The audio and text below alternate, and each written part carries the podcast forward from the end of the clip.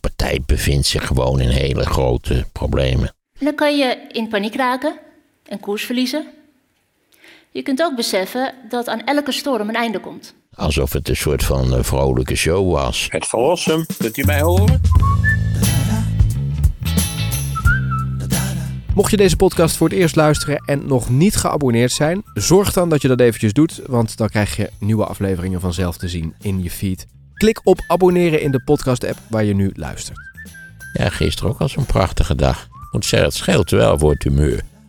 Januari is natuurlijk altijd toch een enorme geestelijke belasting voor normale mensen. Klote maand, ja. Ja. En, en nu naderen we ook het eind.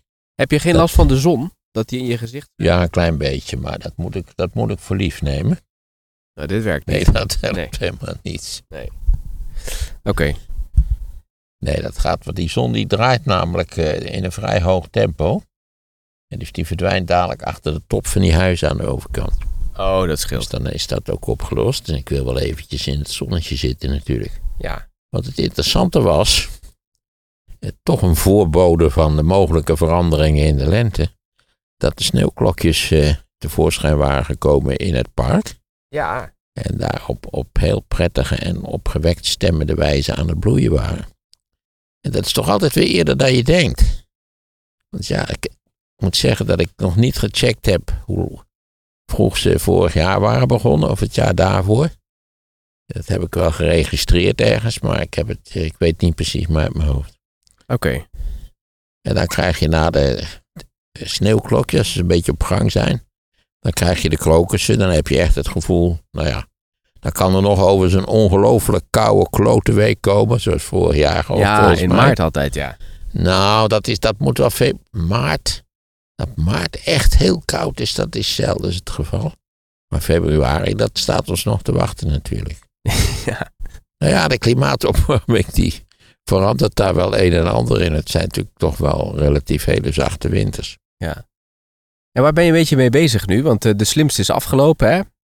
Ja, dat heb je natuurlijk al lang Ik heb opgenomen. afgelopen week ontzettend hard gewerkt. Aan het boek. Ja, nou dat wil zeggen, ik moest het, het boek over het Nederlandse populisme herzien.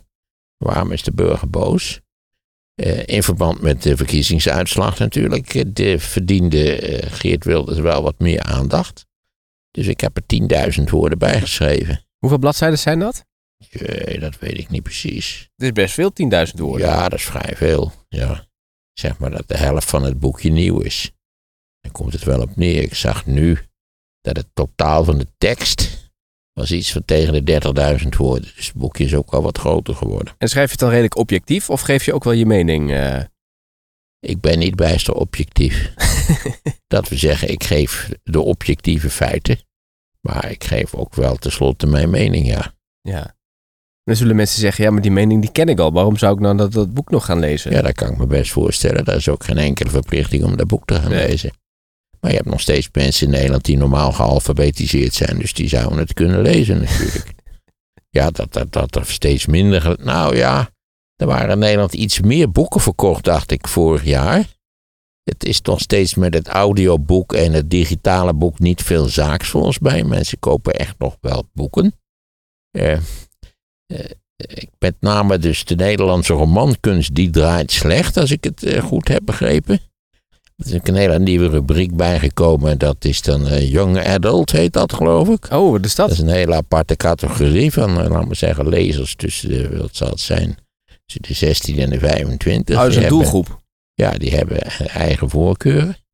Eh, Wat vinden die leuk dan ik dacht bijvoorbeeld? dat non-fictie niet zo verschrikkelijk veel veranderd was. Ja, kijk eens. Sowieso, ik weet niet of er veel luisteraars zijn die de ambitie hebben om hun geld met schrijven te gaan verdienen. Die zou ik willen adviseren, doe dat vooral niet.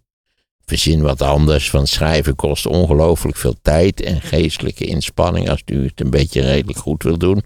En het levert er relatief weinig op. Waarom wil dan toch iedereen een boek maken? Want Eus heeft Ja. een boek en nou, Ja. ze. ze hebben allemaal boeken. Ja, ja, je ziet dat, dat dat toch in de mensen een ambitie leeft, omdat een boek natuurlijk een, een tastbaar ding is. De digitale boeken zijn niet, geen tastbare dingen meer. En dat is ook erg handig als je veel te veel boeken hebt, zoals ik. Dus ik koop al jaren eigenlijk, als het even kan, digitale boeken. En geen, eh, laten we zeggen, drukwerk eh, wat, wat tastbaar is. Maar kennelijk vinden mensen dat toch. En ik moet zeggen, ik vind het ook. Ik heb alles wat ik zelf geschreven heb op één plankje gezet. En als ik nu licht gedeprimeerd ben, dan kijk ik het is eh, links omhoog in de boekenkast. Denk, nou ja, eh, het, het gaat niet geweldig. eh, De mens wordt ouder, maar dit, dit staat er toch. Hoeveel boekjes zijn het dan? Ik heb geen idee. Je gaat ze niet zitten tellen. Dat je denkt, Nee, heb zo, ze niet 20 ge- boeken. Nee, ik heb ze niet geteld, nee. Omdat het natuurlijk, ik doe ook nieuwe edities met nieuwe omslagen. En nou ja, in dit geval komt er ook een heel nieuwe omslag. Eh, dat, terwijl natuurlijk een deel van de tekst is al, is al in 2010 eh, gep- gepubliceerd. Maar ben je er trots op, zeg maar, op de boeken die je gemaakt hebt? Nou, ik vind dat het wel wat heeft, heeft ja, zonder meer. En blijft het ook actueel? Dat je zegt, nou, dit boek is uit 2004, maar is nog... Nee, nee, nee, nee. Kijk, het, de, het noodlot is dat alles eigenlijk in een relatief hoog tempo verandert en veroudert. Iedereen die boeken schrijft, kan je vertellen dat het dan, eh, als het net uit is, is er allerlei opwindingen. En dan wordt het besproken door deze en gene personen. En je ziet zelfs een stukje in de krant. Maar als de loop eruit is, dat is meestal na een jaar, dan is het wel klaar. Ja, dus dat, dan moet, eh, als er al een herdruk komt, is dat meestal binnen een jaar. Ja. En, en het moet wel heel uitzonderlijk zijn, wil het een, een langlopend en, en zeg significant verkopend boek worden. Ja. Voor dit boekje over het populisme is het natuurlijk wel interessant om te kijken hoe het met de regering verder gaat. Of ze nou echt gaan Ja, meeregeren. maar goed, dat weet ik eh, noodzakelijkerwijs nog niet. Maar heb je, wanneer is de deadline? God, het deadline, het is feitelijk klaar. Het moet, het moet nogmaals, de, de bestaande tekst moet nog eens een keer geredigeerd worden en geactualiseerd worden. Er staan cijfers in van 2010. Dat ga dus jij dat- ook doen. Ja, dat ik heb net zitten doen. Kijk je even hoe het nu is. En dat, nou ja, dat, kan aanzienlijk veranderen. Het kan ook deels hetzelfde zijn gebleven. Maar ik zal maar zeggen, Pia Kjærsgaard is niet meer de leider van de Deense Volkspartij. En zo staat ze nog wel in dat boekje. Dus dan zoek je even op hoe is het nu met de Deense Volkspartij. En dan blijkt dat de Deense Volkspartij, eh, die heeft in 2011 een pijnlijke nederlaag geleden. En toen is Kjærsgaard verdwenen en die is opgevolgd door een, een, een vlotogende jonge man. En de, de partij heeft zich in 2015 aanzienlijk hersteld. Dus dat heb ik er nu in gezet. Ja, god wat een werk zeg. Nou, dat valt wel mee. Nee, je moet moet die hele tekst natuurlijk weer Ja. zitten lezen om te kijken, klopt het nog? Ja, maar je wordt daarbij door de redacteur word je attent gemaakt op wat eventueel Oh. veranderd zou Je hebt- moeten Je hebt of hulp. kunnen worden. Je hebt een hulp die... Ja, ja, ik word geattendeerd op, eh, op wat ik zou kunnen doen. Kijk, dat scheelt. Ja. Maar goed, dan moet je dus wel zelf een nieuwe tekst bedenken van wat zet ik daar dan Nou in. ja, ik heb die nieuwe tekst moeten schrijven. Dat is Ja. 10.000 woorden, dat is werk. Ja, maar dus ook de geactualiseerde versie, zeg maar. Dat moet je ook zelf doen. Het is niet zo dat die redacteur dat gaat zitten veranderen. Nee, nee, nee, ik moet even kijken wat ik erbij wil zetten. Of het kan ook zijn dat ik gewoon een hele passage weglaat. Ja. Ja. Ja, dat je denkt, nou ja, dat was toen leuk, maar dat is nu niet zo relevant meer. Dat, dat is heel goed mogelijk, Ja. ja. En gebruik. Het is altijd lastig eigenlijk om een boek te herzien. Ja, omdat dat, dat dan natuurlijk het, het ooit het evenwicht of de, de evenwichtige constructie die je ooit in je hoofd had en op basis waarvan dat boek gemaakt is, die wordt altijd minder evenwichtig wanneer je eraan gaat prutsen. Ja. Dat, is, dat is net als met, met gebouwen die ontworpen zijn vanuit een bepaalde visie. En waar dan later bijvoorbeeld in de tuin een hele reeks noodgebouwtjes worden gezet. Omdat het bedrijf zo sterk uitbreidt. Zodat het een beetje een rommeltje wordt. Ja, je kunt ook in allerlei opzichten een boek wat aangepast is vergelijken met de, althans de aanpassingen met noodgebouwtjes. ja. En er komen er, nog, Maar dit is wel een vrij fors noodgebouw. komen er nog dingen in het boek die je nog niet verteld hebt in de podcast over Wilders en de PVV? Eh, daar moet ik eens even diep nadenken. Nieuwe inzichten? Nou ja, het- dat betreft eigenlijk vooral eh, dat ik de, de huidige en hoogst ongelukkige gebeurtenissen, wat mij betreft. Ja, er zullen tal van Nederlanders eh, dagelijks door de kamer dansen bij het idee dat wij ons volledig gaan afsluiten van de rest van de wereld. Daar wens ik ze veel sterkte mee ook. Ook in economisch opzicht. Want dat is wel raar bij populisten. Van economie hebben ze echt totaal geen kaas gegeten. Het is een vrij simpel nationalisme. Nou ja, dat er economieën zijn, sterker nog, dat moderne economieën vrijwel volledig draaien op internationaal contact natuurlijk. Dat schijnt niet zo erg doorgedrongen te zijn.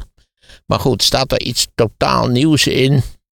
Dat zou ik niet zeggen, maar het is altijd nuttig om een tekst te lezen. Dat is toch weer heel wat anders dan dat je luistert naar mijn geleuter hier in, eh, in de podcast natuurlijk. Omdat je er beter over nagedacht tekst hebt. is samenhang. En ook, Ja. ik zou u aanbevelen, zet dan streepjes, dan krijgt u ook een veel helderder beeld. Want ik, ik start met mijn redeneringen natuurlijk ja, eigenlijk al eh, in de jaren 70, 80. Dus ja, daar Bolkestein komt aan bod en Paul Scheffer komt aan bod en, en de Rushdie-affaire komt aan bod. Dat stond bijvoorbeeld allemaal niet in het oude boekje. Vooral die Rushdie-affaire is interessant. En hoe kom je dan nu erop om dat nu wel op te schrijven? Want dat was toen ook wel bekend toen je dat in Nou, 2010 schreef. ja, zeker. Maar ik had toen de, de implicaties met name van de, zeg maar, de eh, moslimreactie op de Rushdie-affaire. Dat had ik in dat tijd niet zo scherp gezien. Dat staat er nu wel in. En wat is dan de link tussen dat eh, voorval en Wilders? Nou, kijk, omdat de Rushdie-affaire voor het eerst duidelijk maakt dat de moslimgemeenschap als geheel reageert op basis van overwegingen die karakteristiek zijn voor de moslimgemeenschap. Je moet het even kort uitleggen, denk ik. Ik denk niet dat iedereen weet waar dit over gaat. De Rushdie had een dikke roman geschreven, de, de, de Duivelsversen geheten. De Satanic Verses, als ik het wel heb in het Engels. Hij heeft het natuurlijk in het Engels geschreven. En eh, daar eh, waren uitgebreide eh, protesten tegen van moslims. Dat begon in Engeland. Dat het een belediging was voor de islam. En dat het eh, met name natuurlijk ook een belediging was voor de profeet. En toen heeft de toenmalige leider van Iran, dat was toen al in islamitische handen gevallen, zal ik nou maar even zeggen. Nou, het is een islamitisch land, maar laten we zeggen, die mullahs waren daar aan de macht gekomen. En, en Khomeini, die er toen nog was, die, waarvan ik eerst dacht dat hij het eeuwige leven zou hebben, maar dat viel toch een tikkeltje tegen. Eh, of mee. En die had een fatwa uitgesproken over dat boek, de schrijver en iedereen die er iets mee te maken heeft. En de fatwa betekent zoveel als een soort doodvonnis voor alle betrokkenen. Nou ja, dat heeft de verstrekkende gevolgen gehad. Dat ze toen al een aanslag op uh, Rushdie gepleegd, die is mislukt. Vreemd genoeg is er nog in 2022 een aanslag op Rushdie gepleegd die voor een deel gelukt is. Rushdie is een oog kwijt als ik het wel heb. En het gebruik van, ik dacht zijn linkerhand, maar dat weet ik niet helemaal zeker. Notabene bij het le- Ja, je denkt het is zo'n beetje wel voorbij. Ik dacht zelfs dat die Iraanse moela's het ook allemaal aan deden op dit punt. Maar nee, kennelijk dus niet. En toen eh, zijn ook aanslagen gepleegd op de vertalers van, van eh, de satanische, ik bedoel de duivelsverzen. Eh, waarbij, dacht ik, de Japanse vertaler om het leven is gekomen. En de andere vertaler gewond geraakt is. De uitgevers in diverse landen zijn bedreigd met geweld. Ja, dat, dat, nou, dus daar zie je aan dat die hele gemeenschap internationaal ook sterke, opstandige gevoelens had gegenereerd. Waardoor je denkt, ah, wacht even. Ik denk dat bij veel mensen het plotseling het licht is gaan branden, wacht eens even. Er, zijn, er is hier een hele groep van mensen die totaal anders reageert dan wij. Aangezien wij niet eens hadden gehoord van het boek wat verschenen is. Niet waar, en het zeker niet hebben gelezen natuurlijk, want die romans van Rus zijn van een opmerkelijke omvang. Uh, dus, dus ja, ik denk dat het een soort wake-up call was, als je het in goed Nederlands zou willen omschrijven. Uh, van moet je eens kijken. Vandaar die Rusdia-affaire. Nou ja, dan komt in Nederland Bolkestein. Ik had eigenlijk over Bolkestein ook niet zoveel, of misschien alleen attenderend geschreven. Dus ik heb die lezingen er nog eens op nageslagen, of die stukken die hij in de Volkskrant had geschreven. Ik geloof allebei tegelijkertijd eigenlijk. Nou ja, en daar komt dan dat hele verhaal naar voren, dus dat we veel te weinig aandacht besteden aan de immigratie. Dat dat een groot probleem is voor Nederland. En dat we moeten opletten dat we onze cultuur niet inleveren. Niet waar, in relatie tot een, een laten we zeggen, uh, zelfovertuigde uh, isla islam. Naar mijn idee allemaal schromelijk overdreven. Dat heeft allemaal zo vaak niet gelopen. Dat zie je ook weer bij Paul Scheffer natuurlijk. En dat komt natuurlijk toen ook in die omstandigheden. Nou, dit moet je dus allemaal lezen in dat boekje. Ik kan het wel uit de doeken doen, daar gaat het niet om. Ja, en dan is er natuurlijk een heel ander fenomeen. Namelijk de interessante vraag, hoe komt het? Dat, dat we opgezadigd zijn die kwamen met een forse verkiezingsoverwinning van de, van de PVV en alle gevolgen die dat ook voor Nederland zal hebben. Je moet hopen dat ze niet al te ernstig zijn, ook in internationaal verband wat mee zullen vallen. We moeten even afwachten wat voor constructies ze daarvoor gaan verzinnen. Het was toch al vrij opmerkelijk dat de directeur van ASML nogal fors uitpakte van... Jongens, als jullie doorgaan met die dorpspolitiek, dan verhuizen we. Ja, is vrij pijnlijk. Niet waar dat het, dat zeg maar het Nederlandse topbedrijf bij uitstek, de enige echte wereldsucces, wat we binnen de grenzen hebben, ja, dat dat aankondigt dat dat steeds zo doorgaat, dat ze dan even goed ergens anders kunnen werken. dat ze zelfs de ontwikkeling in Nederland zouden stopzetten en de ontwikkeling elders zouden, zouden voortzetten. Dat, ik moet zeggen, als ik iets te maken had met het, het, laten we zeggen, runnen van Nederland op economisch niveau, dan ging de stormbal wel omhoog, ja. Dit kan natuurlijk ook pressie zijn, hè? dat ze achter de schermen te onderhandelen zijn. Ja, en, dat hij denkt, ik leg eventjes via ja, de media. Ja, terechte pressie natuurlijk. Hij heeft dan moeite waarschijnlijk met zijn kennis immigranten. Dus hij denkt, ja, wacht even, ik waarschuw vast uh, voordat het nog erger wordt. Maar hij gaat weg, hè, die, die CEO. ja, dit was zijn eh, afscheid, ja. Misschien dat hij ook dacht van, dan kan ik eens even lekker uitpakken. Maar hij heeft natuurlijk wel groot gelijk. Ja, het probleem van het populisme is dat het altijd nationalistisch is.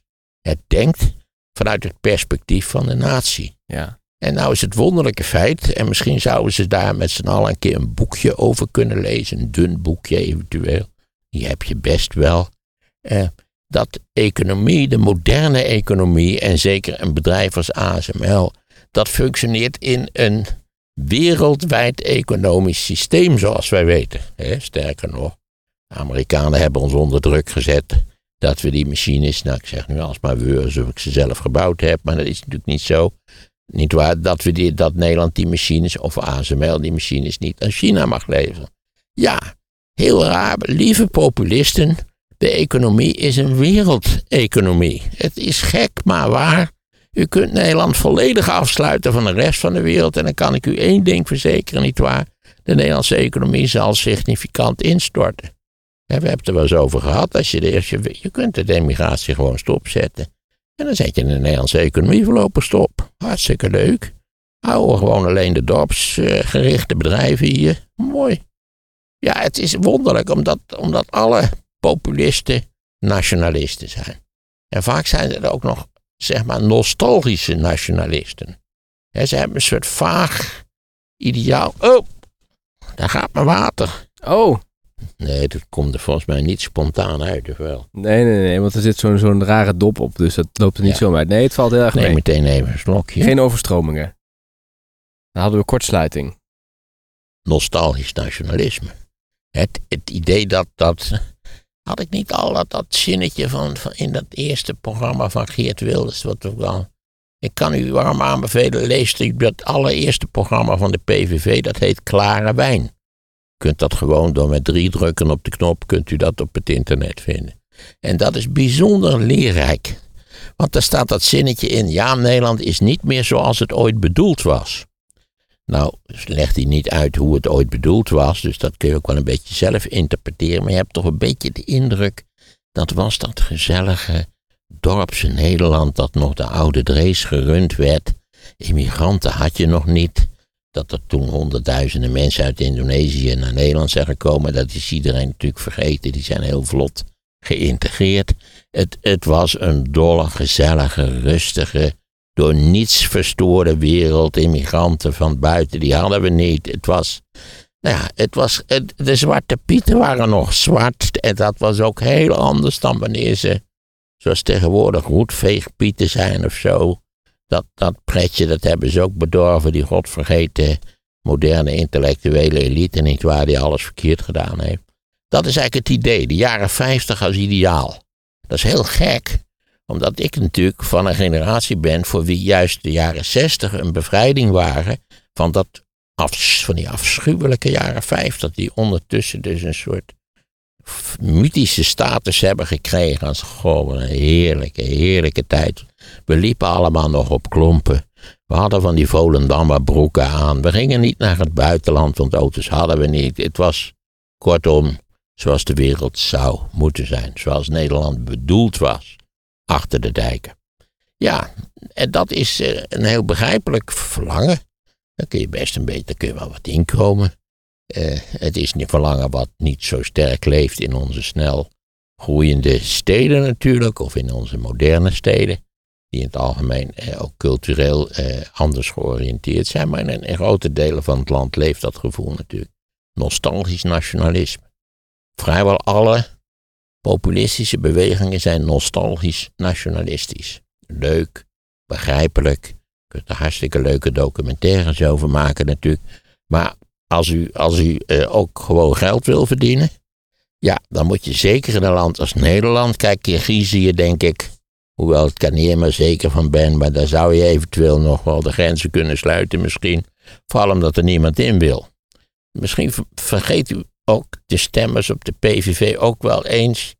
Hoe zou het komen dat wij in de belangstelling van immigranten staan? Wat zou daarvan de oorzaak zijn? Nou, daar kan ik u wel iets over zeggen. Dat is omdat Nederland een ongekend succes is. En ook een fatsoenlijk land is en een economisch vrij sterk land. He? Want, ja, laten we wel wezen, er zijn tal van landen waar, in de wereld waar niemand heen wil. Sterker nog, er zijn tal van landen waar mensen zo snel mogelijk weg willen naar landen zoals Nederland.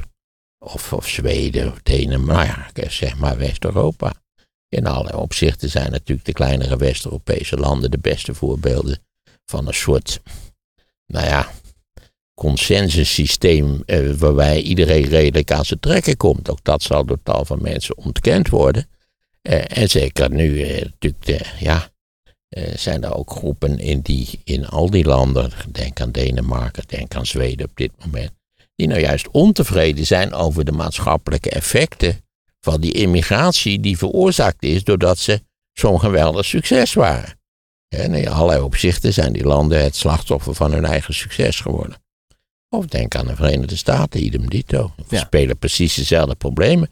Als je kijkt naar waar, waar het bij Trump natuurlijk over gaat, dat is nostalgisch nationalisme. Ja. Trump heeft ook zo'n fata morgana van het, van het uh, uh, Verenigde Staten, van Eisenhower.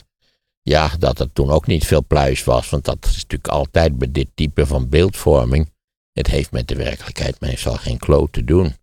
Als ik, als ik, als ik iets zou, zou willen afraden, is het terug naar de jaren 50. Eh, ja, ik zeg het maar even, dames. Misschien heeft u ook op de PVV gestemd. De jaren 50 waren, was een, systematische onderdrukking van de vrouw. Was daar, sterker nog, was in de Nederlandse wet vastgelegd. Dus dat. We kunnen niet terug. Hè? Ja, ik heb, een ontzettend aardige roman gelezen. Ja, ongelukkigerwijs in het Engels. Die heet Time Shelter van meneer Gospodinov. Het is ook in het Nederlands vertaald, maar nu weet ik niet precies meer wat de Nederlandse titel is. En het is een hele amusante roman, want het is in allerlei opzichten een, een ironische behandeling van het idee Time Shelter. Dat je in een soort geïdealiseerd verleden zou kunnen leven. Dat we, dat we deze huidige verwarrende tijden, dat we daar een eind aan zouden kunnen maken op een of andere manier. Wat vind je zo interessant aan dit onderwerp? Ja, wat is het interessante? Het interessante is dat we het niet verwachten. Althans, ik had het niet verwacht. Dat begon natuurlijk in mijn geval met Pim Fortuyn. Dat je denkt dat je in een heel normaal land woont en zo. En mensen hele normale opvattingen hebben. Ja, die kunnen conservatief zijn, die kunnen progressief zijn, die kunnen een beetje in het midden zitten. Maar, maar dat er iemand aan de macht komt die zegt dat alles verkeerd is, dat het één onbeschrijfelijk klote land is, niet waar?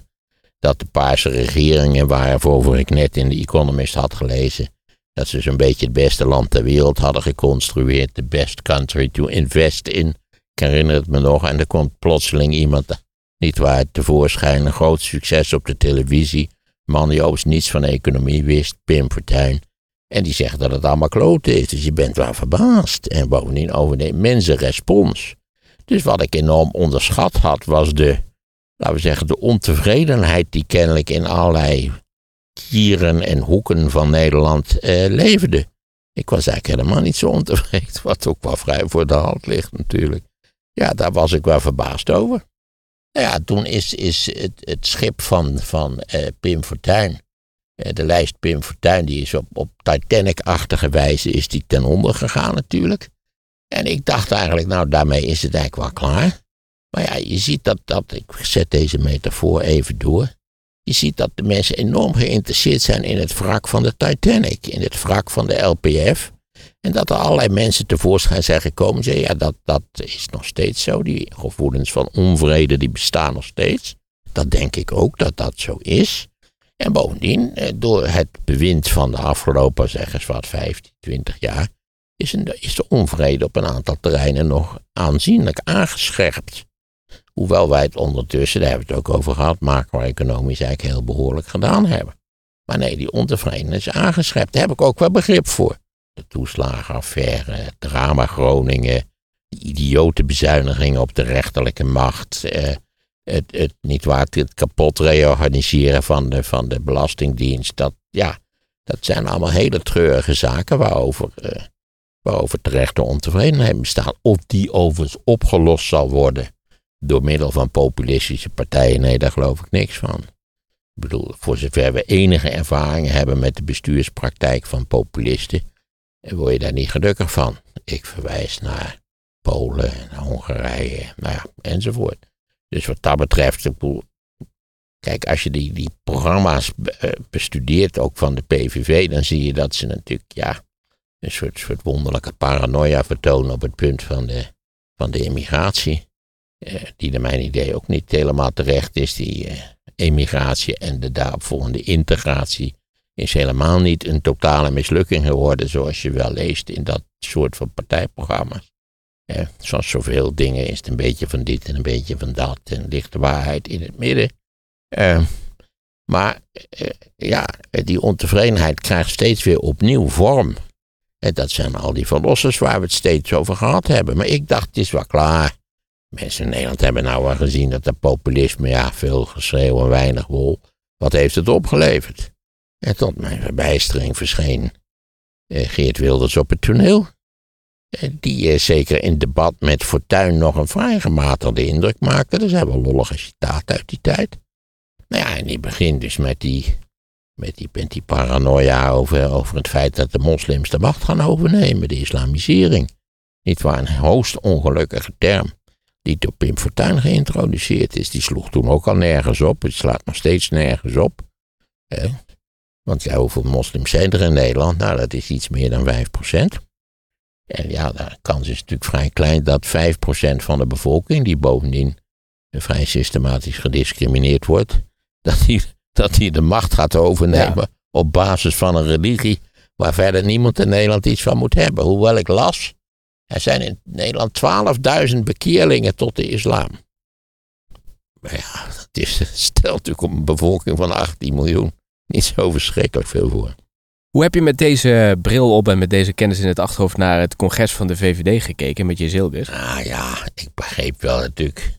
Kijk, die lui zijn verward. Eh, er zijn twee evidente vleugels. Er is een groep van mensen die wil absoluut niet met wilde samenwerken. Het leken me hele verstandige VVD'ers. Dat begrijp je. En er is een groep die vindt dat prima.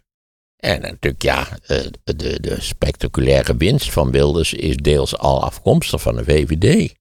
Als je kijkt naar de percentages die die, die, die groei veroorzaakt hebben van de, van, de, van de PVV, dan is dat eigenlijk vrij simpel. Ja, je kunt volgens mij dit motortje kan, kan wel uit, ja. Je ziet die, die zondeboel lekker opwarmt. Ja, dat is heel goed, heerlijk. Ja, natuurlijke warmte. Um, wat wou ik gaan zeggen? Ja, dat, dat die. Uh, de PVV had natuurlijk een basis van waar, van waar ze starten, die vrij groot is. Altijd ook vrij groot geweest is. Een beetje ups en downs, maar toch. De PVV had al eerder hoog, hoog gepeild, boven de 30 zetels in de Kamer. Zeker ten tijde van de, toen de vluchtelingencrisis van 2015. Uh, eh, dus ze stonden op 17 bij mijn weten. En toen, wat erbij is gekomen is heel interessant. Dat is namelijk 17% eh, is afkomstig van de VVD. Uh, er is ook nog zo ongeveer zo'n percentage afkomstig van ja 21 en, uh, en, en het Forum. Dus die zijn min of meer leeggezogen. Hè. Daar is niet zoveel van overgebleven. Ik weet niet, ik geloof voor Forum 2 of 3 of zo. En één, alleen Joost Eertmans zit er nog in. Om acte de présence te geven. En waar komt de rest vandaan? De BBB-beweging heeft, heeft geleverd. Nou ja, dan heb je, je hebt een beetje een idee. Kijk eens, alles wat in staat is en graag uh, buitengewoon recht stemt, heeft in die laatste week kennelijk gezegd: oké, we stemmen PVV. Ik denk dat veel eh, zeer rechtse VVD'ers sowieso in aanleg best op de PVV kunnen stemmen. Omdat ze klaarblijkelijk helemaal eh, geen zorgen hebben over de rechtsstaat of de grondwet. Dat interesseert ze geen kloot. Als er maar minder immigranten komen. Vooral omdat mensen bang zijn voor immigranten. Niet terecht, maar goed, dat is nou weer een punt mijnerzijds. Dat vind ik, ja, dat dat zo enorm opgepoft wordt. Als een bedreiging. We hebben die zaak al eerder geanalyseerd. Als je die 400.000 immigranten van 22, als je dat nader analyseert, ziet dat er totaal anders uit. Ik heb ook de kijkers al eens, de luisteraars al eens verwezen naar dat leuke stukje van, van eh, hoe heet het, het programma van, eh, Lubach? ja, hartstikke nuttig om even te kijken. Ziet u het zelf ook even. Hè, dat u niet denkt, ja, die van ons zit dat allemaal te verzinnen. Hè. Dat is ook zo'n typisch iemand die, die, ook, die ook de omvolking van Europa op de agenda heeft staan. Hoe meer immigranten, hoe breed. Nou ja, dat werkt. Nogmaals, als u zoveel kritiek op de immigranten heeft, ga u voortplanten. Hè? Ja, dat is een probleem wat in heel Europa speelt. Er stond laatst een hoogst interessant staatje in de krant. Waarbij je ziet dat alle Europese landen, niet waar, op het punt van de voortplanting. dik onder, eh, de noods, eh, dik onder vervanging, alleen maar vervanging zitten. Laat staan dat er groei zou zijn. Ja. Ook Frankrijk zit onder de vervanging. Maar hoe vond je Jezilkes overkomen? Vond, dat, vond je dat, dat ze het sterk Nou, deed? ik moet zeggen dat ik, eh, ik moet zeggen, zij is een vrij verdienstelijke actrice voor zover ik dat eh, kan bekijken. Want ze, ja, zij sloeg zo'n vrolijke toon aan, niets aan de hand. eh. ja, we hebben eerder stormen meegemaakt. Ach meneer, die zijn weer gaan liggen, mevrouw, die zijn weer gaan liggen. Stormen gaan tenslotte altijd liggen. Ja, de vraag is, is, is, het, vaart het schip dan nog of is ondertussen gezonken natuurlijk? En ze moeten natuurlijk enorm oppassen dat ze niet door het, door het gruwelijke lot van het CDA getroffen zullen worden. Nogmaals, ze hebben ze allemaal aan zichzelf te danken. En dat vond ik wel, als je even terugdenkt, en dat had ik zelf niet zo gezien, misschien verzin ik het, had het in ieder geval niet aanzien komen, dat de VVD eigenlijk al vrij lang in een crisis verkeerde. En dat had te maken natuurlijk met, dus wanneer is dat? Dan moet ik even terug naar 2021. Hè? Dan rapporteert die commissie die die toeslagenaffaire had onderzocht.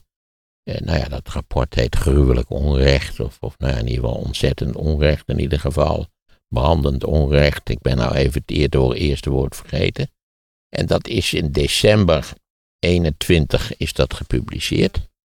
En toen heeft, de, toen demission, toen heeft het kabinet Rutte 3 heeft, eh, die werden bedreigd met een motie van wantrouwen. Terecht naar mijn idee, er was alle reden voor op basis van dat rapport. En die is toen eh, afgetreden, die zijn demissionair geworden. En toen in april, als je het je nog herinnert, dan zitten we ondertussen in 2022.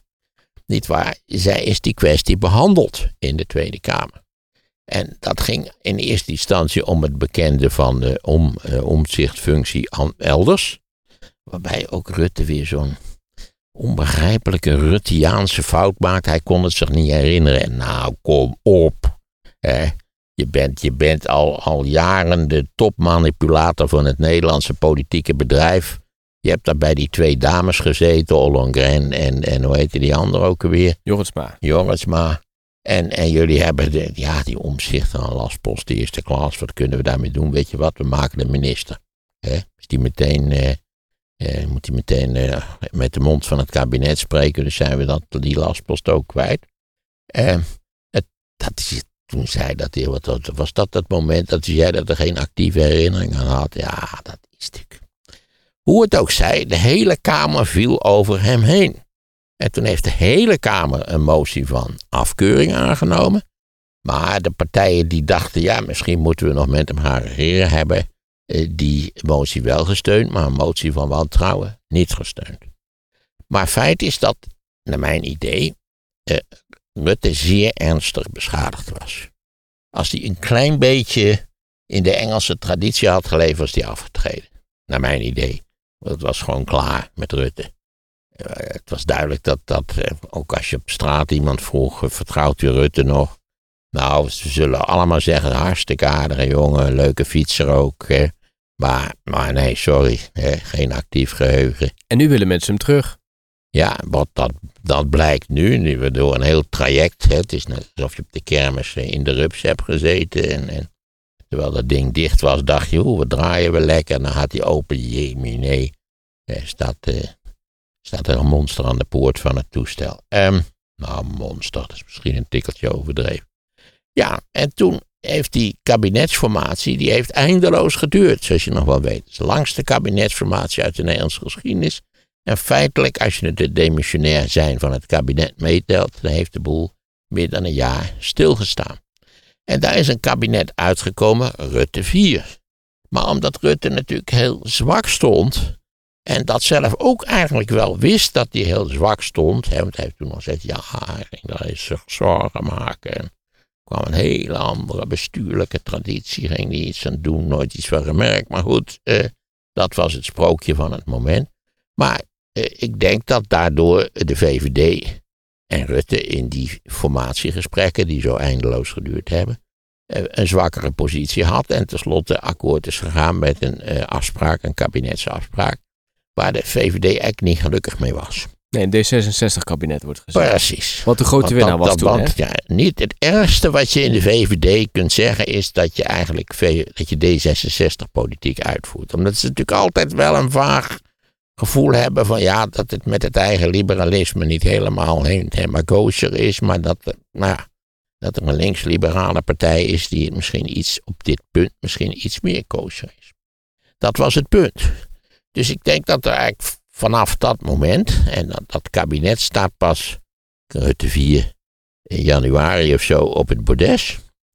Eh, dat er is vanaf dat moment in de, in de VVD gemord van D66 kabinet. eh, moeten we al die klote politiek gaan uitvoeren. Ja, we moeten natuurlijk wel zeggen dat we ook voor groen zijn, maar het interesseert ons feitelijk geen reet. En, en hoe zit het met die immigranten? Toen hadden we natuurlijk, kregen we Oekraïne, eh, eh, rolde eroverheen. Dus ja, dus vanaf het moment, vanaf dat moment is, is, is er eigenlijk, is Rutte sterk verzwakt. Hij is niet meer de briljante goochelaar die hij tien jaar geweest is. En hij heeft niet gezien dat hij beter had kunnen vertrekken. Want nu, nu, nu vertrekt hij in zekere zin ook onder een duistere wolk. En dan, toen was ik begrijp ook wel dat Rutte dacht, ik kan het wel goed maken en het zal wel meevallen. Ik lulde gewoon, weet je wel, een beetje uit en zo en het kan allemaal, nou, enzovoort. Maar ik denk dat er dus vanaf dat moment toch crisisgevoelens waren in de VVD. En dat ze uiteindelijk vrijwel bewust eh, het kabinet eh, naar, de, naar de, hoe heet het, hebben verwezen door het op te blazen. Dus dat het eigenlijk, dat de, de, de VVD-crisis, die zich nu in veel ernstiger vorm geopenbaard heeft, door die kapitale fout om, om Wilders tevoorschijn te toveren, zo van hand, leuk, handig. Wat, wat had ze ook alweer gedacht? Ja, het was als we het even over immigratie hebben, was het wel een nuttige steun in de Kamer. Ha, ha. Dat hebben we gezien, wel een nuttige steun in de Kamer. Het heeft ze tien zetels gekost. Dat heeft ze de verkiezingsoverwinning gekost. Nou ja, en, en voordat we er vanaf zijn, dat kan nog wel even duren. Dus wat mijn, nu, mijn indruk is, is dat die crisis eigenlijk in de VVD, dat die veel van veel langer en duur is en veel dieper wortelde. En uiteindelijk wel degelijk gerelateerd is aan die, aan die, die crisismomenten die veroorzaakt zijn door de toeslagenaffaire. En, en eh, andere vergelijkbare kwesties van de afgelopen jaren, waarin steeds gebleken is, nietwaar, hoe incompetent het Nederlandse bestuur feitelijk wel was. En zijn ze daaruit Als, nu? eh, sterker nog, aangeblazen door natuurlijk, eh, uiteindelijk door de, door de VVD in het kabinet. Ja. die was de baas en dus ook verantwoordelijk. Vergeet niet dat in die, in die commissie, in die kabinetscommissie, die zich met die, met die bestraffing van die, eh, van die toeslagenlui moest, ging bezighouden, daar zat Rutte ook in. Ja. Dan kom je ook een Daar commissie, ook wel geen actieve herinnering aan hebben, maar daar zat hij ook Ja. in. en de commissie over corona, corona komt nu ook. Hè. Daar zijn de eerste namen van bekendgemaakt. Maar nu gaat de VVD eh, waarschijnlijk toch meedoen, want uh, zei ja, goede kans op een vruchtbare Ja, samenwerking. wacht even, maar die, eh, ze heeft niet gezegd dat ze niet dat ze op, opbeschouwen met gedogen. Daar heeft ze niks van gezegd. Nee, maar die indruk wekte ze wel, dat dat, dat gedogen dat het toch verkeerd was overgekomen. Als zij spijt- groot talent heeft, is het verkeerde indruk wekken. Daar is ze de meester in, ja. Maar het lijkt er Ik toch wil wel het nog wel eens zien. goede gesprekken voerden ze. Ja, dat zegt mij niks.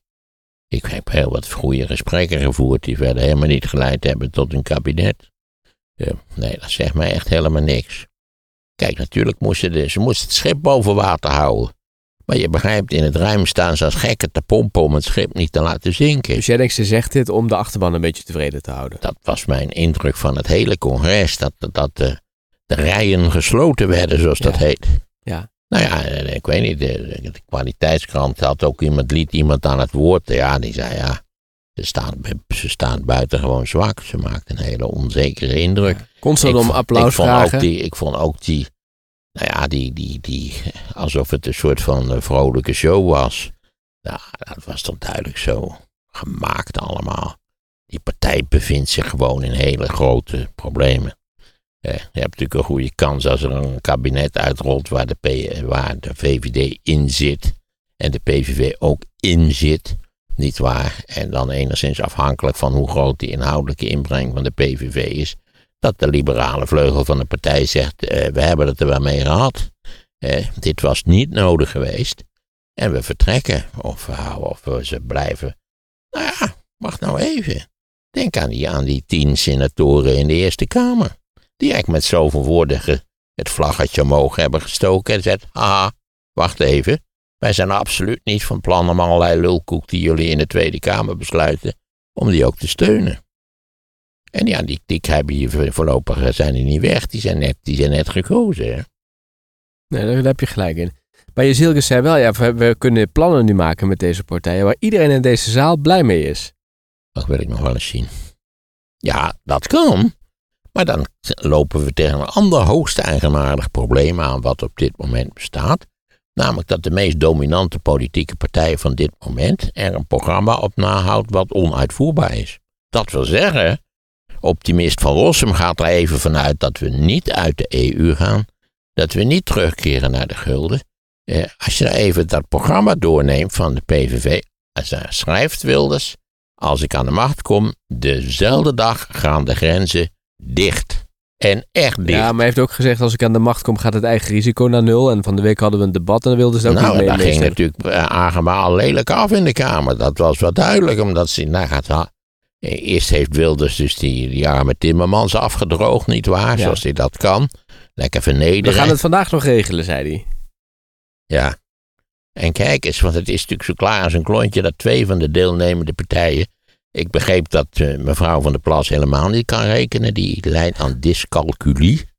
Nou, dat indruk had ik al, maar goed. eh dyscalculie, dus die doet eigenlijk in, in alle gesprekken waar het over de economie gaat, doet ze gewoon niet mee.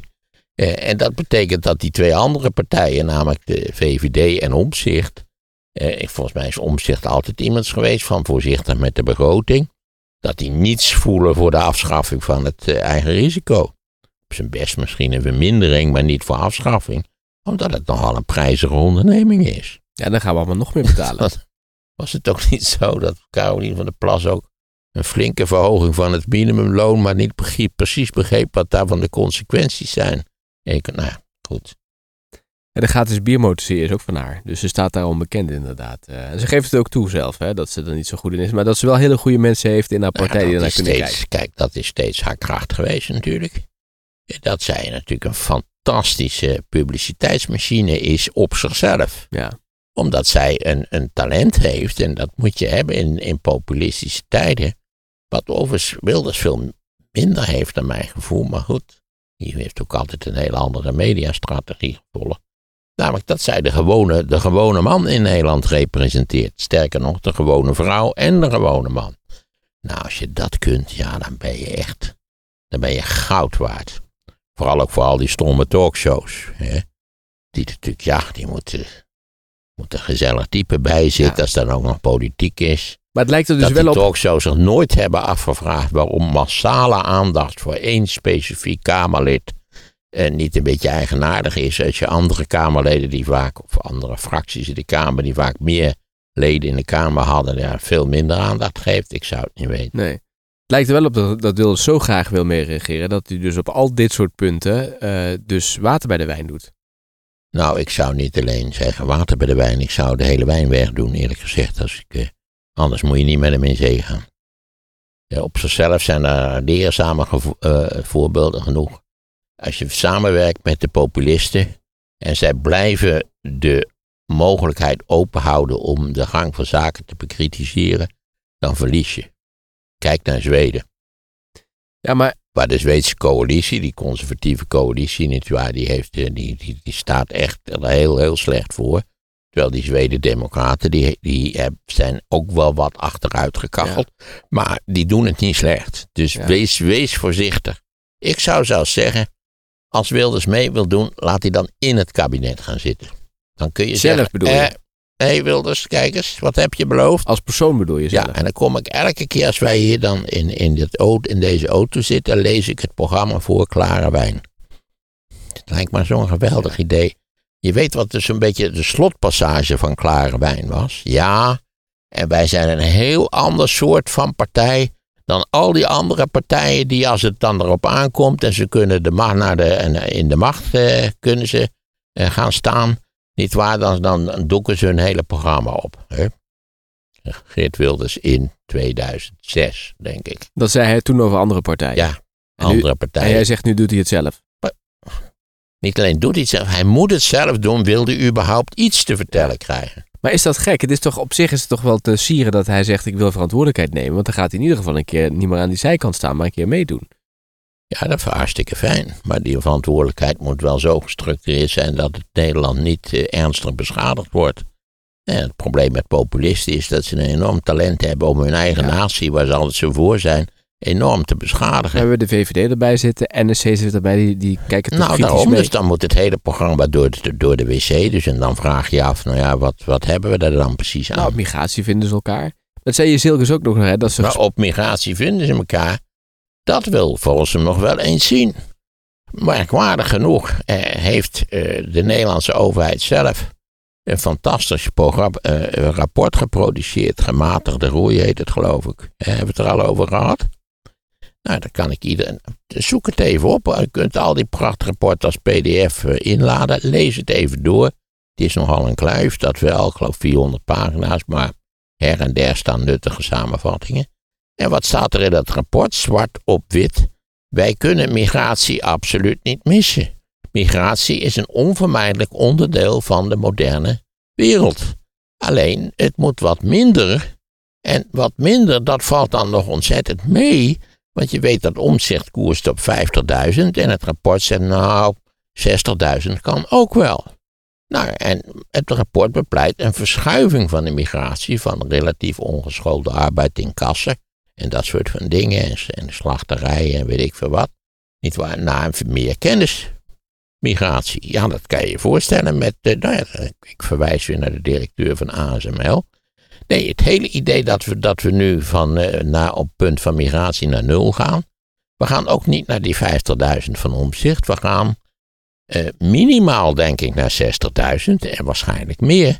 Want hoe bouwen we, we zouden dan natuurlijk een deel van die, laten we zeggen, van die niet erg, zoals het rapport het zelf noemt, niet erg productieve sectoren, die, hè, daar is de toegevoegde waarde is beperkt, eh, die, die zullen we dan af moeten bouwen. Dat, dat gaat niet volgende week. Hmm. Hè? Ja, het meest komische toneelstuk was natuurlijk weer het Westland. Hè?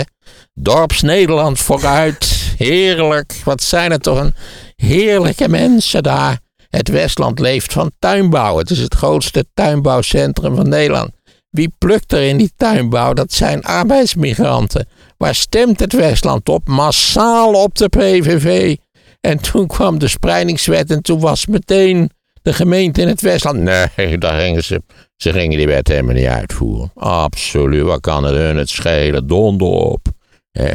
Dat je denkt, hoe, hoe diep kan de hypocrisie niet waar het, het, het eh, bloedvatenstelsel doordringen?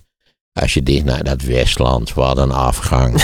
ja, je zult toch iets met het Westland te maken hebben. Ik weet niet of we luisteraars in het Westland hebben, maar dan moeten we maar hopen dat ze niks met de tuinbouw Nou te maken meld je even. hebben. Misschien zit er een andere argumentatie achter die wij niet kennen. Ze zouden misschien kunnen zeggen, ja, wij weten wat voor ellende dat oplevert. Daarom zijn we er zo tegen.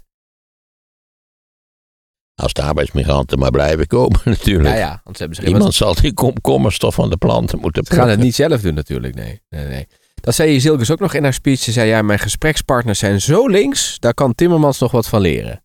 Dat heeft ze ook in haar speech gezegd. Oh, nou ja, goed. Ik heb meela met haar. Ik vond ook al dat gelach. Ik dacht, kom op. Eh, dit is toch, dit is lachen tegen de wind in. En vragen om applaus steeds. Heb je dat niet gezien? Nee, dat ze dat zei zo van, gezien. ja, applaudisseer me eventjes. Ja, dat is... Goed, ze hebben de werk... Natuurlijk, de afspraak was, we sluiten de rijen. Ja, hè. Geen Het moties is, die moeilijk verschrik- het waren. is verschrikkelijk. Eh, we hebben een poging tot zelfmoord gedaan en, en we liggen nu op de intensive care. En, en we, we hopen, we hopen dat, dat de zaken gerepareerd kunnen worden. En wat dan altijd gezegd wordt, want er was na afloop natuurlijk wel ruimte voor de pers om kritische vragen te stellen. En dan zie je dat ze allemaal een beetje hetzelfde zeggen. En dan wordt de vraag gesteld, is Jezilkes de goede leider? En toen zegt iedereen, ja, ga maar eens kijken hoe Rutte in het begin was. Dat was ook niet zo Dat fantastisch. is absoluut waar. Er is een moment geweest dat Rutte echt door het oog van de naald gekropen is en was hij eruit gegooid. Omdat hij, denk geloof ik, bij de eerste verkiezingen waar hij de leider was, eh, heeft de VVD verlies geleden. Dus ja, Ze willen haar echt duidelijk een kans geven nu. Zo van, probeer het maar eens. Ja, je begrijpt toch wel waarom? Is er, is, er een, is er een potentiële opvolger? Nee, ja, eh, Sofie Hermans niet. Daar had ik eerst nog wel hoge verwachtingen van, maar dat is helemaal niet uitgekomen. Nee, absoluut niet. De tassen dragen van Rutte. Nou ja, zij maakt inderdaad een wat onzekere indruk. Eh, degene die dat natuurlijk het meest feilloos onthulde was natuurlijk eh, Wilders. Een eerste klas treiteraar, pester. Eh, eh, ja, ik weet helemaal niet hoe, hoe Wilders op school was, maar je hebt op elk schoolplein heb je zo'n ongelooflijk vervelende jongen. En eh, daar is eh, Wilders een meester in, in het spelen van een ongelooflijk Ja. vervelende jongen. Ja, nou ja. Klaas Dijkhoff, die wil niet terugkomen, maar die nee, wordt maar die werd geloof ik gefilmd met een, met een, een, een, een bierflesje op zijn hoofd of zo. Ik weet Ja, hij maakt reclame voor een biermerk. In Oh, een was commercial. ja. En daar is die Prins Carnaval in, dat, in die commercial.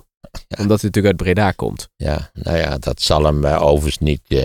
Dat vinden we in Nederland best. Ik bedoel, ja, dat is, dat natuurlijk, is natuurlijk ook eh, mevrouw van der Plaats. Ik bedoel, eh, we spelen de gewone jongen in Nederland. Ja. hè. Want het grootste gevaar wat je nu in Nederland kan overkomen is dat je een abnormale Nederlander bent. hè. Ja. Ja, dat heb je ook in Dus dat je wel eens een boek leest en, en, en nou ja, weet ik veel wat voor enge dingen je doet. eh. Jouw eh, oud-collega Arend-Jan Boekenstein die zei nog van... Ja, we gaan Rutte missen omdat hij was de regelaar. Hij hield het allemaal bij elkaar, de fixer. En dat hebben we Ja, niet maar meer. het probleem van de fixer is natuurlijk dat er zoveel uit zijn handen gefixt is of gevallen is. En nou ja, dan kom ik weer terug op het feit dat, naar mijn gevoel dus, nu ik er wat over na heb gedacht, die, die crisis in de VVD van veel ouder datum Ja, is ja. dan van dit jaar. Maar dat in feite de ellende begint met het rapport van de toeslagenaffaire. Maar goed, de partij zal natuurlijk ook kijken naar de peilingen. En daar gaan ze hard achteruit. Ja, ja, daar staan ze. Maar goed, dat is natuurlijk een, na-effect van de verkiezingen. Ja, maar daar begon het bij het CDA ook Dat heb mee. ik al eens een keer eerder uitgelegd. Bij verkiezingen is het zo, de verliezers die verliezen na de verkiezingen altijd nog meer. Want de meeste mensen hebben spijt dat ze dan alsnog toch op die partij gestemd hebben. En de winnaars winnen daarna nog, eh, nog die winnen nog meer. Je moet, je moet, als je de werkelijke effecten moet je dan moet je zeker een, een goed jaar wachten of meer. Het zal iedereen, het zal iedereen die denkt dat er een, een glorieuze PVV-achtige toekomst gloort, die zal het, eh, nou, dat zal een bittere tegenvaller Ja. worden, denk ik. Maar wat is voor het VVD nu het beste? Dat ze echt in de regering gaan zitten? Of dat ze een gedoogconstructie mogelijk maken? Of dat ze er helemaal niet aan meedoen? Dat zou natuurlijk ook nog een optie zijn. Ik zou adviseren om eh, te blijven gedogen. Zorg dat je buiten het kabinet staat. Zorg dat, je, zorg dat Wilders erin zit en dat jij daar buiten staat. Maak niet die fout. Ik dacht dat Zweden een leuke constructie zou zijn, maar dat is in Zweden beroerd afgelopen. Dus ik, dat, ik, ik ben nu weer veel meer. Laat Wilders verantwoordelijkheid nemen. Laat Wilders erachter komen dat alles wat hij wil eh, grotendeels onuitvoerbaar is. Oké, maar dan nog even om het goed te snappen. Jij vindt En dan, en dan moet de VVD, die gaat gedogen. En geen bewindspersoon Nee, eventueel dat zelfs, eh, ja, ik denk dat Omzicht natuurlijk ook dolgraag wil gedogen. Ja, ik weet het niet precies. Ja, maar dan heb je twee Ja, gedoogpartners. dan heb je dus twee gedogers, maar dat kan. Dat kan een extra parlementair kabinet zijn. Ik Dat hoeft niet. Het kan een minderheidskabinet zijn. en Wilders moet... Eigenlijk zou ik het, het zou de beste formule zijn dat, dat er een minderheidskabinet van de PVV komt. Ja, dan kan dat dwergje van de BBB kan erbij gaan zitten natuurlijk, dat spreekt. Maar ja, die moet eerst de tafel van 12 nog maar eens eerlijk uit het hoofd leren. Maar moet Wilders zelf als persoon in het kabinet zitten? Of zeg je... Dat zou het beste zijn. Dus als minister dan? Of als minister-president? Ja. Ja, want dan zal zijn falen het meest evident zijn. Maar wij hebben al goed dat de Kijk, plast- het grootste gevaar is dat je, dat je net als in, in 2010, 2012, dat je Wilders buiten het kabinet Ja, ja. laat staan. Want dan gaat hij in de Kamer zitten en dan, zoals Ab Klink het toen zo treffend formuleerde, dan gaat hij vol op het orgel. Alles is de schuld van de lui die in het kabinet alles verkeerd hebben gedaan. Geef hem die kans niet. Belangrijke les van Laat hem demonstreren, nietwaar, wat een succesvolle bestuurder van Nederland hij zou kunnen zijn. Ja. In een, in een, eventueel in een minderheidskabinet. Ja. Als ik de VVD was, ging ik van mijn leven niet in een kabinet zitten. Denk aan het CDA. Denk aan het CDA. Maar als die achterban zegt, jullie moeten het wel doen. Welke achterban? Nou, van de VVD. Nee, ze hebben twee achterbannen. Ja, maar ik heb het idee dat het grootste gedeelte zegt, gaat er toch ja, maar zitten. even het grootste gedeelte heeft vaak helemaal geen gelijk. Ja, je, je, je, zet- je zet jezelf natuurlijk als liberale partij, zet je jezelf hopeloos te kijken. Eh, bovendien heeft een aanzienlijk deel van de VVD al bewezen dat ze gewoon op de PVV stemmen. Eh, ook omdat ze ook niks van, van immigratie afweten. Ja. Waarschijnlijk ook de provinciale achterban. Niet voor niks komt Van de Burger uit Amsterdam. En plastic als premier, dat hebben we eerder eh, natuurlijk ook besproken. Dat eh, is toch altijd Ja. een optie? Ja, dat is een optie zonder meer.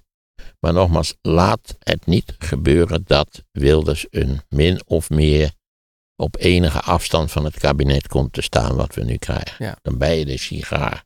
Hmm. Dan, dan, dan, ten eerste heeft hij dan ook nog in de hand om te breken als dat dan hem goed uitkomt. En dan weet je zeker dat hij nog groter wordt dan hij nu al is. Wanneer komt dat boekje wat je nu eens geschreven hebt? Wanneer ligt dat in de winkel? Eeuw, dat is een vraag. Ik, ik, ik, als, het, als het eh, nodig is, zijn ze altijd heel snel. Omdat ik vaak natuurlijk eh, in de zomer iets schrijf. En dan, en dan eh, ben ik te laat klaar en zo. En dan, ja, dan naakt de Sinterklaas. En dan blijkt het toch ineens in, in een paar weken te kunnen. Want dat is een goede tijd om het in de winkels te hebben liggen, toch? Ja, Sinterklaas is top. Ja. Ik geloof eigenlijk dat in de, Sint, in de december, dus met inclusief kerstmis, omdat tegenwoordig veel landverraders natuurlijk niet Sinterklaas vieren, maar de kerstmis. Ongelooflijk stomzinnige Anglo-Saxische variant van de Sinterklaas, waar ik grondig tegen ben. En kan het nieuwe kabinet dat ook verbieden in verband met het nieuwe nostalgische nationalisme in Nederland, eh, wat in Nederland aan de macht zal komen. Maar goed, ja, ik geloof dat meer dan 30% van de totale, misschien zelfs meer van de totale boekenverkoop in een hele korte periode plaatsvindt. Ik heb ook wel eens gesuggereerd, die boekwinkels, daar maak je gewoon eh, elf maanden van het jaar maak je daar een ijssalon van. En dan één maand per jaar verkoop je boeken. Dan, dan ruim je die bakken even op met dat ijs. Het is meestal toch december, dus die bakken kunnen wel weg. En dan verkoop je boeken.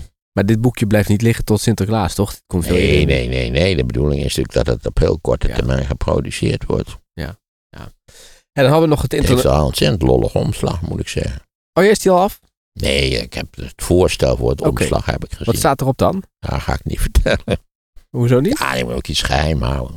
Mensen moeten verrast zijn in de boekwinkel. Maar waarom word je- hey, Waarom vond jij het grappig?